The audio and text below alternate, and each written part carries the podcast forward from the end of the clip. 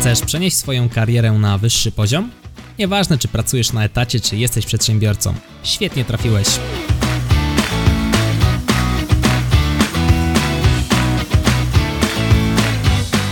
Nazywam się Michał Kowalczyk i witam Cię w Excellent Work Podcast.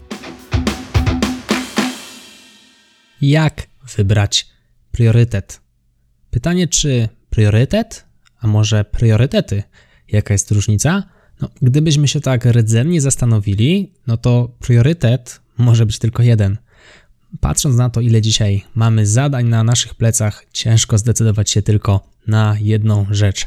No i właśnie o tym porozmawiamy w dzisiejszym podcaście. Porozmawiamy sobie o tym, jak wybrać priorytet albo jak wybrać priorytety. Będzie to oczywiście zależało od naszych ról, a mamy ich przecież w życiu kilka. Jesteśmy oprócz tego, że pracownikami, czasami przedsiębiorcami, jesteśmy też rodzicami, jesteśmy też mężami, partnerami, ale przecież jesteśmy też synami, córkami, wnukami. No i czym przede wszystkim? No ludźmi. Jesteśmy też ludźmi, więc tutaj tych ról jest naprawdę, naprawdę sporo. Teraz jedna bardzo ważna rzecz, żeby móc wybrać priorytet bądź priorytety, żeby móc wybrać te ważne zadania, przede wszystkim trzeba mieć listę zadań. Ciężko jest spośród jakiejś tam nicości zdecydować, co jest najważniejsze. Wypadałoby, aby w ciągu dnia mieć wylistowane rzeczy, które na nas czekają. Dobrze byłoby mieć taką listę już dzień wcześniej. No niestety nie każdy z nas ma taki komfort.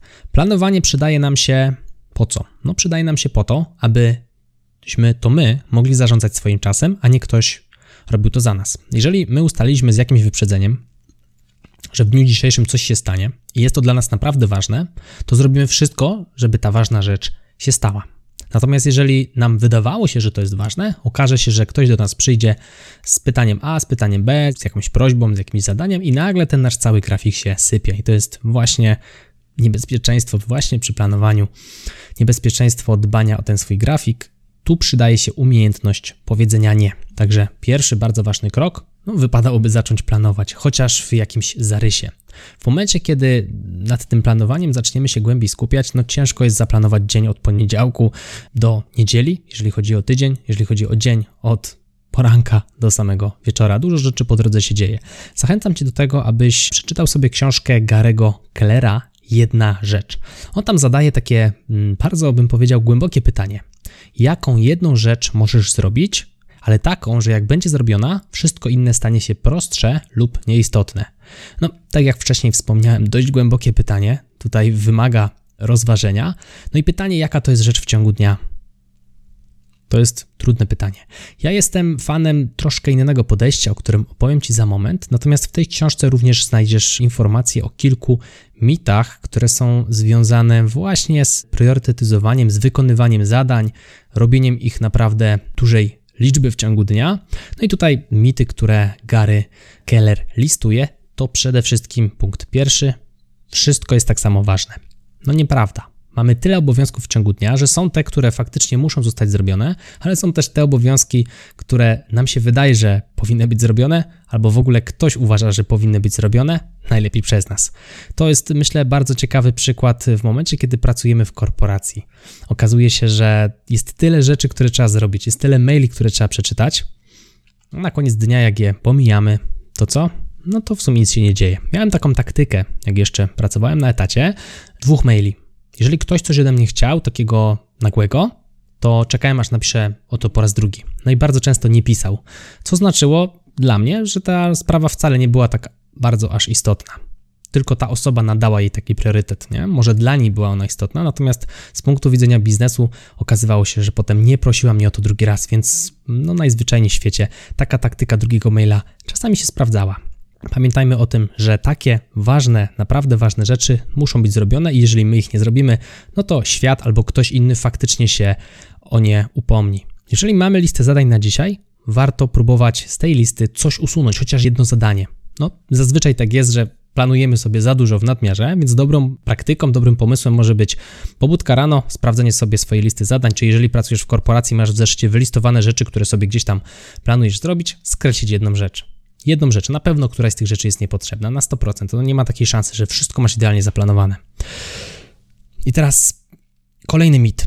Wielozadaniowość. To jest, myślę, coś bardzo niebezpiecznego. Uwierzymy, że jako ludzie jesteśmy w stanie robić pięć rzeczy na raz. Nie jesteśmy w stanie. Okazuje się, że są badania, ja nie jestem teraz w stanie niestety przytoczyć autora tych badań, natomiast w internecie pisali, jeśli mogę tak kolokwialnie powiedzieć, że około 1 trzecia naszego dnia to jest czas poświęcony na przełączanie się pomiędzy zadaniami. O co mi chodzi? No jeżeli ja robiłem analizę pracując w korporacji, potrzebowałem się na niej skupić. Potrzebowałem zebrać wszystkie pliki, potrzebowałem ją wykonać, zastanowić się nad liczbami. Byłem wtedy w procesie.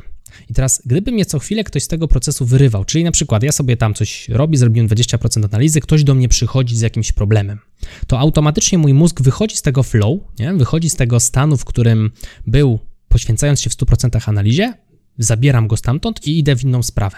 I teraz, zanim ja się przełączę i z powrotem wrócę do tej mojej analizy, będę już potrzebował znowu kilku minut dodatkowych. Będę musiał się zastanowić, gdzie ja skończyłem, które pliki powinienem otworzyć, może które foldery, gdzie powinienem jeszcze zajrzeć.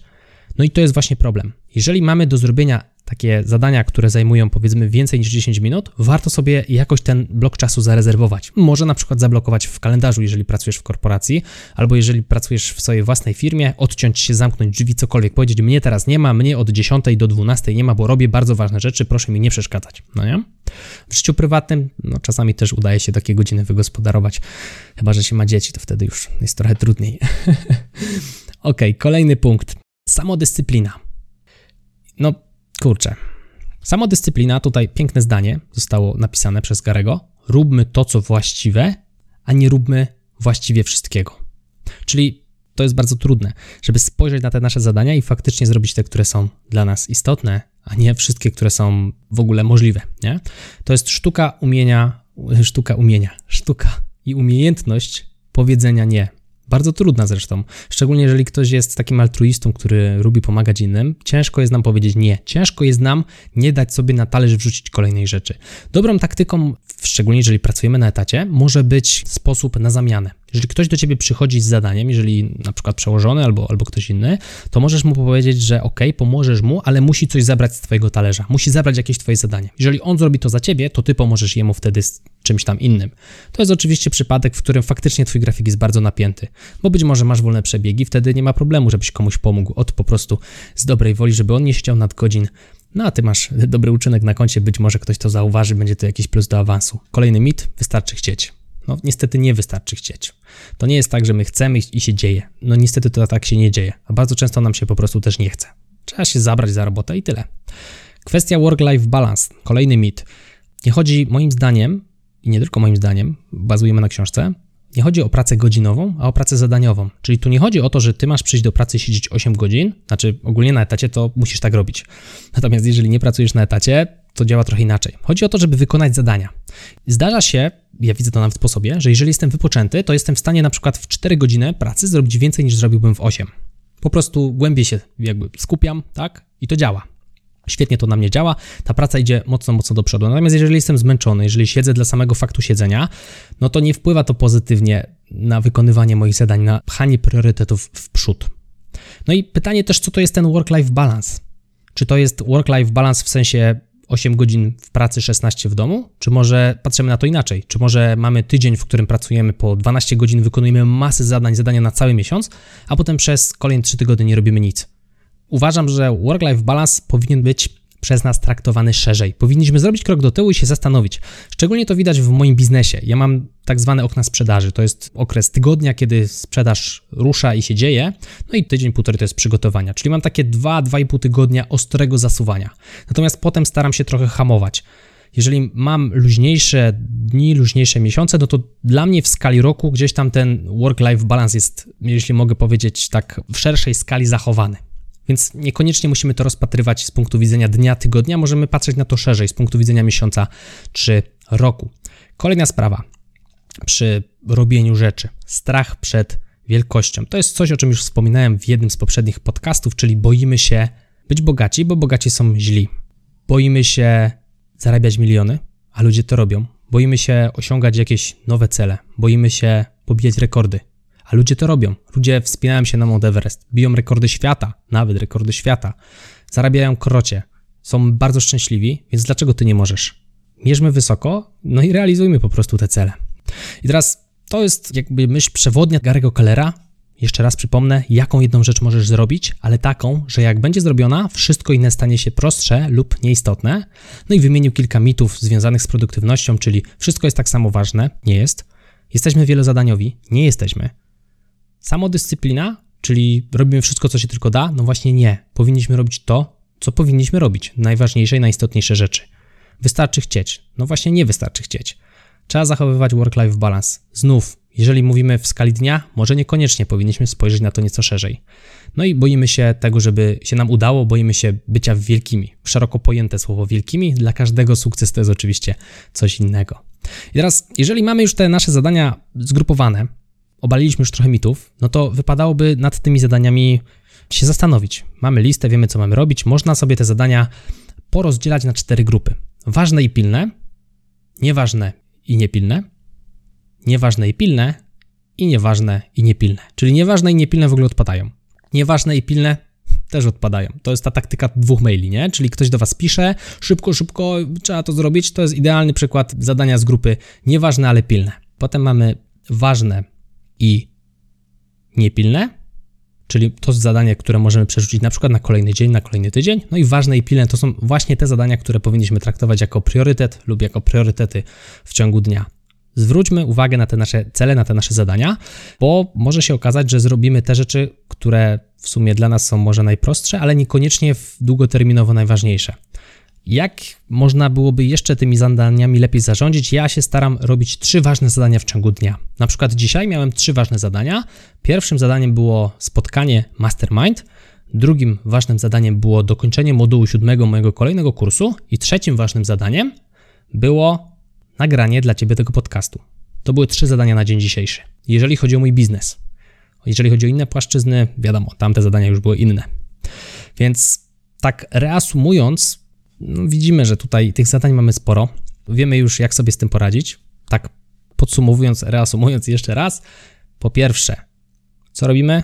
Wylistowujemy wszystkie zadania, których spodziewamy się w najbliższym dniu, może kilku dniach, jeżeli planujemy tak bardzo, bardzo dalekosiężnie, jeżeli chodzi o skalę tygodnia. Potem staramy się pogrupować sobie te cele i zobaczyć, które dla nas są naprawdę ważne, a które nie. Stosujemy taktykę dwóch maili, czyli jeżeli ktoś do nas pisze, że szybko, szybko, bo się pali, to może wcale się nie pali, zaczekajmy najwyżej napisze drugi raz, chyba, że to pisze, nie wiem, przełożony. Taktyka trzech zadań, czyli wybieramy trzy takie bardzo, bardzo ważne zadania, które nas popchną gdzieś tam dalej które faktycznie długoterminowo będą też dla nas istotne i to nie będzie małe zwycięstwo, tylko faktycznie pchnie nas do jakiegoś większego celu i jesteśmy w 100% pewni, że to jest ważne zadanie i pilne.